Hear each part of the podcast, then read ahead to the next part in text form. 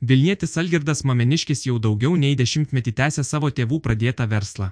Į parduotuvę užsukę klientai čia gali rasti visą gamą prekių - ir biuro kėdžių, ir kilimėlių, ir transporto priemonių serviso įrangos, ir net technikos neįgaliesiems. Pamatėme, kad rinkoje yra labai daug spragų. Nuo to viskas ir prasidėjo. Pasakojo Ama Meniškis. Tęsė tėvų verslą. Bendrovę Eurogama prieš 26 metus įkūrė dabartinio direktoriaus Sama Meniškio tėtis. Pati idėja kilo ne man pačiam. Tai mano tėvų įkurtas verslas. Aš tiesiog esu viso to pratesėjas.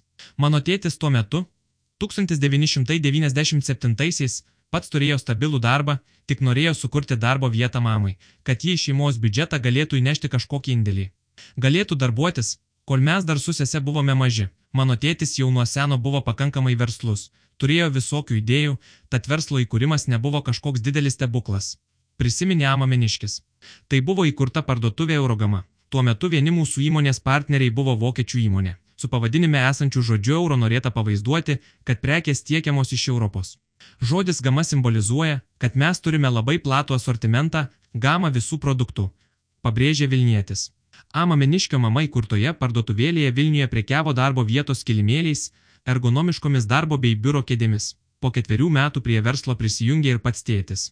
Buvo praplėstas įmonės asortimentas. Imta prekiauti ne tik kėdėmis bei kilimėliais, bet ir servisų įranga, skirta lengviesiems automobiliams, sunkvežimėms ir kitoms transporto priemonėms remontuoti.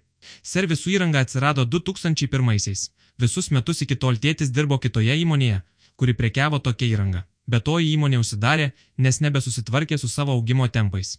Kadangi ten tėtis užėmė aukštas pareigas, tai sugalvojo jungtis prie mamos ir atidarė savo skyrių. Čia Eurogamoje atsirado servisų įranga, tėtis buvo atsakingas už šią dalį. Pasakojo verslininkas. 2008-aisiais įmonė dar labiau praplėtė savo asortimentą. Pradėjo prekiauti techniką, skirta žmonėms su negale. Neįgaliųjų keltuvais, liftais, neįgaliesiems skirtomis kėdėmis.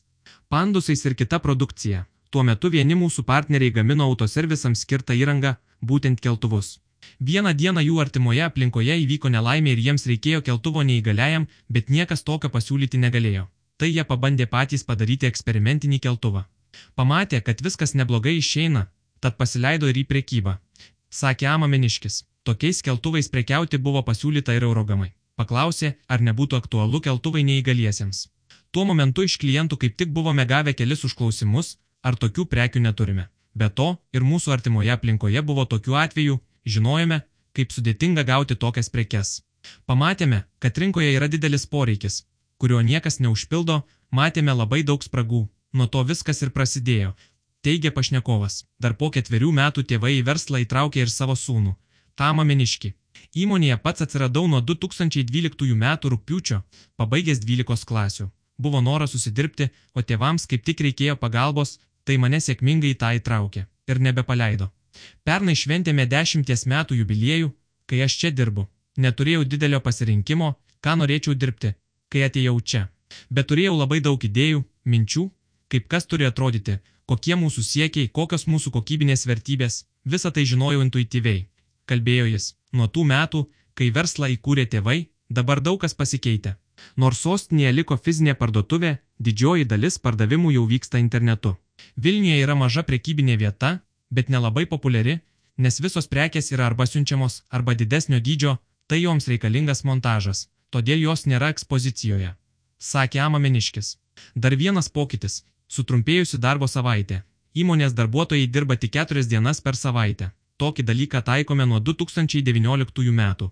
Tai visai pasiteisinęs verslo modelis, norėčiau, kad visi prie to pereitų, bet kol kas matau, kad vadovams tą padaryti bus sunku, man vis tiek reikės dirbti visas dienas. Aš neatsiginu klientų skambučių ir savaitgaliais. Žmonės klausinėja, kas kiek kainuoja, o jei dar susitrumpinsiu darbo savaitę, bus visai liūdna, neatsiginsiu skambučių. Kaip tyčia, kai turi laisvą dieną, būna daugiausia krūvio. Juokėsi įmonės direktorius. Liūdina požiūris į neįgaliuosius. Ama Meniškis tvirtino, didžiausias iššūkis, su kuriuo tenka susidurti versle, yra žmonių požiūris į neįgaliuosius. Pavyzdžiui, visi puikiai žinome, kad mokyklos ir švietimo įstaigos turi būti pritaikytos visiems. Visiems vaikams, studentams, moksleiviams turi būti sudarytos vienodos sąlygos gauti išsilavinimą. Bet kai tu susiduri su tų įstaigų atstovais, kurie sako, kad pas juos tokių vaikų nėra ir niekada nebus, nes jie jų nepriims, tada supranti, kad mūsų visuomenė yra gal ne juoda, bet bent jau pilka, užsidariusi savo rėmuose. Įsitikinęs verslininkas, pakeisti žmonių mąstymo man tikrai nepavyks, o aš ir nesistengiu, čia ne mano darbas. Bet stengiamės padėti, panaviguoti, kad žmonės nebūtų užsidarę vien savo aplinkoje, nes yra ir daugiau dalykų, vykstančių už jų. Šitą dalyką reikia priimti. Ir tai nėra orientuota vien į neįgaliuosius, bet ir į senyvo amžiaus žmonės ar jaunus žmonės, kurie pakirsti vienų ar kitų lygų sunkiai juda. Ir mamoms, kurios stumdo vaikų vežimėlius, reikia pereiti tam tikrus barjerus. Tai apima labai daug universalių sprendimų, kuriuos padeda įspręsti pritaikomumas. Pabrėžė įmonės direktorius. Be to, pridūrė jis, darbas, susijęs su neįgaliaisiais, kartais emociškai būna labai sunkus. Reikia mokėti, kaip prieiti prie žmonių, ko paklausti. Prieš ką nors pasakydamas, turi labai gerai pagalvoti, kad neįžeistum žmogaus, sėdinčio vežimėlyje, kad nepasakytum kažko neetiško. Reikia jausti, ką galima sakyti ir ko negalima, nes jie gali ir jautriau sureaguoti, ypač jei trauma įvyko neseniai. Atviravo Ama Meniškis, o kai kurie neįgalieji ir patys ima direktoriui papasakoti savo istorijas. Emocinis dalykas tikrai sunkus, kai kurie žmonės linkia per daug tau išsipasakoti, tu tada kaip kempinė sugeri visas jų emocijas. Atrodo, kuo nusikaltai, kad turi sugerti šią visą nelaimę. Tokių atvejų buvo ne kartą. Pripažino jis. Ama Meniškis pasakojo ateičiai turintis nemažai planų, pagrindinis jų - dar labiau išplėsti paslaugų ratą. Turime daug minčių, kurias bandome išgvildenti, kad jos pasiektų dienos šviesą. Norime pradėti įrangos nuomos paslaugą. Šią dieną tai dar nelabai populiarus dalykas, sunkiai apibrėžiamas ir sunkiai gyvendinamas dėl įrengimo specifikų, montažo, bet mes turime idėją, kaip tą dalyką padaryti. Mano tikslas ir siekis metų bėgyje pralaužti šį dalyką ir startuoti, bent jau mažais kiekiais ir pasitikrinti, ar toks dalykas veikia. Svajonėmis dalyjosi Vilnietis. Visgi, nors idėjų daug, o verslui, ne vieneri metai, Ama Meniškis pasakojo pastebėjęs, kad trūksta tam tikrų žinių apie finansų bei verslo procesų valdymą, viskas ėjosi ne taip sklandžiai, kaip norėtųsi. Todėl nusprendė dalyvauti Svetbank organizuojamoje smulkaus verslo akademijoje. Programoje dalyvavo kartu su kitais smulkiaisiais verslininkais, kuriems buvo paskirti individualūs mentoriai, kurie padėjo spręsti įmonėse kilusius iššūkius. Mano mentorė buvo inovacijų laboratorijos Futurelėders hipikūrėja Justina Klyvienė. Labai džiaugiausi, kai ją gavau, ji žmogus idėjų ir emocijų užtaisas, man tai labai patiko, gavau į save panašią mentorę. Buvo labai lengva bendrauti, džiaugiasi pašnekovas. Įmonės direktorius pripažino, dabar tik gailisi, kad čia įgautų žinių neturėjo anksčiau. Mentorė labai padėjo ir gaila, kad tų dalykų anksčiau neįgavau, kai studijavau universitete, mūsų niekas to nemokė. Kalbu apie procesų valdymą ir pateikimą. Labai gaila, kad to dalyko nežinojau anksčiau, nes tikrai būčiau greičiau optimizavęs tam tikrus darbus, nebūtų reikėję gaišti tiek daug laiko prie procesų. Tikino Ama Meniškis. Nieko nelaukdamas, jis apsibrėžė pagrindinius procesus, kurie įmoniai buvo reikalingiausi. Dabar ir kolegom žymiai paprasčiau, nes jie turi paruoštukus, kaip elgtis kokiais atvejais, viskas žymiai paprasčiau. Man tai buvo nušvitimas, labai gaila, kad tokių dalykų nepavyko anksčiau susitvarkyti. Tikino verslininkas. Smulkaus verslo akademijoje jis gavo ir labai prasmingų priemonių. Ko mes anksčiau nevertinome, tai įdomių ir prasmingų lentelių, kaip išdėlioti finansų valdymą ir perspektyvas.